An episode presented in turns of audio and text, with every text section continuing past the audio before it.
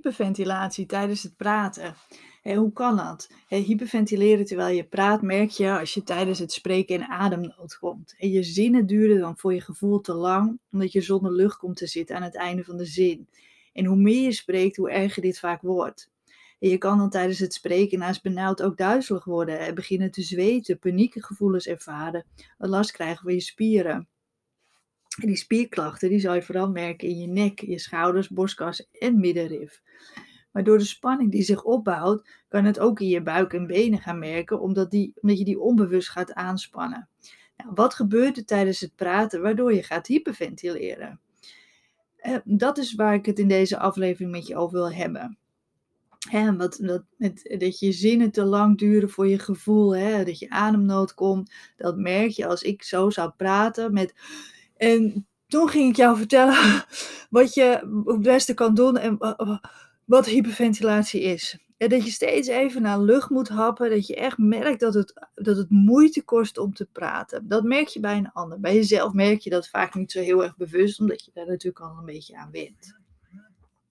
Nou, hoe kan dat? Dat je dat kan krijgen. Als wij stress ervaren, dan wil je lichaam je helpen en daardoor versnelt die ademhaling zich om die extra energie vrij te maken. Nou, super handig natuurlijk als je daadwerkelijk die stresssituatie zou moeten vluchten of ze moeten vechten. Maar ja, als jij die presentatie moet geven of stil zit en met je, of met je buurvrouw staat te kletsen, of, eh, dan ja, is het natuurlijk niet zo fijn. Maar die presentatie geven, een sollicitatiegesprek of gewoon een, gesprek met iemand, bijvoorbeeld met je buurvrouw, dat kan wel onbewust en bewust, want presentatie geven is vaak natuurlijk heel spannend. Maar met je buurvrouw kletsen, dat is vaak natuurlijk onbewust. Dat kan dus stress geven. Nou, als wij gespannen zijn hè, voor dus die presentatie of een ander gesprek, en dan kan je die stressreactie natuurlijk dan verklaren. Maar eh, sta je gewoon gezellig te praten met, op de hoek eh, met, met een vriend die je tegenkomt in de supermarkt. Of, hè, en toch kan die lichamelijke sensatie of een gedachte daarover je stress geven. Ja, het, het, niet weg kunnen lopen uit een gesprek. En dat is eigenlijk wel de, de meest bekende en herkenbare. En waardoor mensen toch vaak stress ervaren in, in zo'n sociale situatie. Dus hyperventilatie tijdens het praten, onbewuste spanning bouw je namelijk op. Omdat wij het gesprek dan onbewust spannend gaan vinden, dan ga je vaak sneller ademen en praten. En juist dat snelle praten, dat is dus niet zo goed. Want daardoor ga je achter je adem aan en raak je in ademnood. Nou, sneller praten, dat doen we heel vaak als je snel weg wil. Hè, het gesprek af wil ronden of je wil snel klaar zijn. Maar ja, dat werkt dus averechts, omdat je daardoor juist klachten krijgt als je langer tijd last ervan hebt, en dan kan je gaan merken, eh, dat merk je dat vooral vaak aan je middenrif. Nou, je middenrif heeft een hele belangrijke functie bij je ademhaling. Als deze gespannen is, merk je dat. Doordat je dus voor je gevoel die ademtekort komt, niet goed kan doorademen. Dus als je merkt dat je ademhaling stopt ter hoogte van je middenrif. De middenrif is, dat zit ter hoogte van je maag. Dat zal ik zo nog even vertellen. Nou, een pijnlijk gespannen of krampend gevoel kan je ook hebben ter hoogte van je maag. En verder kan je dat ook merken dat je vaak gaat zuchten, naar lucht hapt, maar ook dat je veel oprispingen hebt of veel boert. En vooral tijdens het praten, dat je toch wel heel erg graag eventjes dat wil doen. Of dat je na het praten heel veel oprispingen hebt of heel veel boertjes moet laten. Nou, dat middenrif dat speelt, eh, dat heeft een, een hele belangrijke functie bij de ademhaling. En dat middenrif dat, eh, dat beweegt bij elke in- en uitademing dat, dat is, eh, die, die, een hele belangrijke rol speelt die. En, maar als wij dus te veel gaan ademen, doordat we gestrest zijn, of heel gespannen gaan ademen, of gespannen gaan praten, dan wordt dat middenrif, die krijgt het een beetje te zwaar. Die raakt dan overbelast.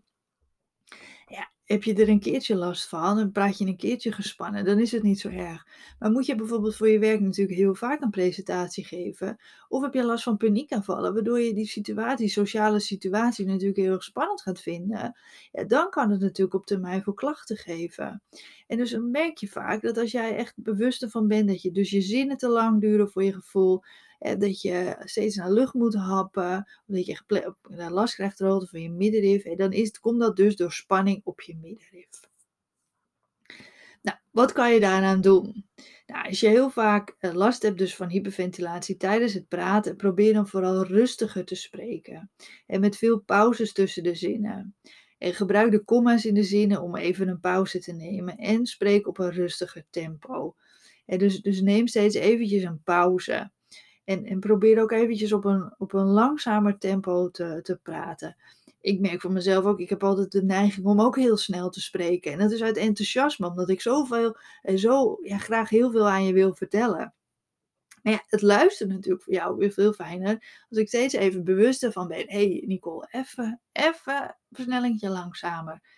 Daarnaast is het natuurlijk niet alleen voor jou fijner vaak om naar te luisteren. Het is voor mij natuurlijk ook veel fijner. want daardoor kost het veel minder energie om, om langere tijd te praten.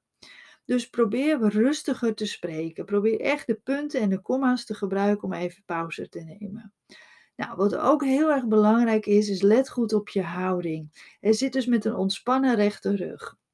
En zorg vooral dat er voldoende ruimte is om goed te ademen. En vooral dat je middenrif goed de ruimte heeft. En je middenrif, als we in elkaar gezakt zitten, dat kan je ook bij jezelf voelen. En dan maak je je lichaam, je romp zo'n knik ter hoogte van je, de onderkant van je ribben, je maag. Daar zit ook je middenrif. Nou, als jij dus in elkaar gezakt zit, is er en minder ruimte uh, voor je longen om goed te openen. Je middenrif staat al op spanning, omdat die niet goed kan bewegen. En ja, ademen naar je buik gaat natuurlijk ook niet. Trouwens, ademen in je buik als je spreekt is sowieso niet heel erg haalbaar. Omdat praten kost energie. En dus echt volledig de ademhaling in de buik zal hier niet zitten. Maar hij zal sneller wat hoger zitten. Ja, en ben je heel enthousiast aan het praten. Of vind je het gewoon spannend. Dan zit die ademhaling natuurlijk sowieso hoger. En dat is prima. Er is niks aan de Dat hoef je niet te gaan sturen. Dat mag je volledig loslaten. Nou, en als wij verkeerd gaan ademen, dan en praten, dan eindigen je zinnen vaak hoog. En wat we daarmee bedoelen is dat je, je begint, um, uh, ja, ik zal, ik zal bedenken wat voor zin ik kan maken. En je begint laag met een zin en je eindigt steeds wat hoger. En je gaat echt in, in, in volume, maar ook in, in toon ga je omhoog.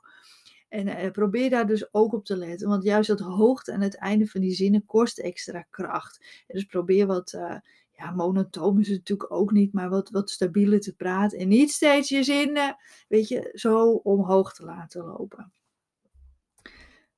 Nou, en juist als iets heel veel kracht en energie kost, dan gaan we vaak met onze gedachten naar binnen en voelen we juist heel veel. En probeer jezelf daarom te trainen om om je heen te kijken en je focus te verleggen. En doordat je, als je bijvoorbeeld denkt, en je staat met die buurvrouw te praten en denkt, oh, ik voel me niet zo lekker worden. En oh, nou jeetje, wat voor smoesje kan ik verzinnen om snel weg te gaan. En dan ga je heel erg met je gevoel naar binnen. Maar probeer dan heel bewust om je heen te gaan kijken. En ook achter je buurvrouw, of maakt niet uit wie je, ik noem het buurvrouw, al die sociale situaties kan ook met je baas zijn of uh, weet ik veel, met, met iedereen.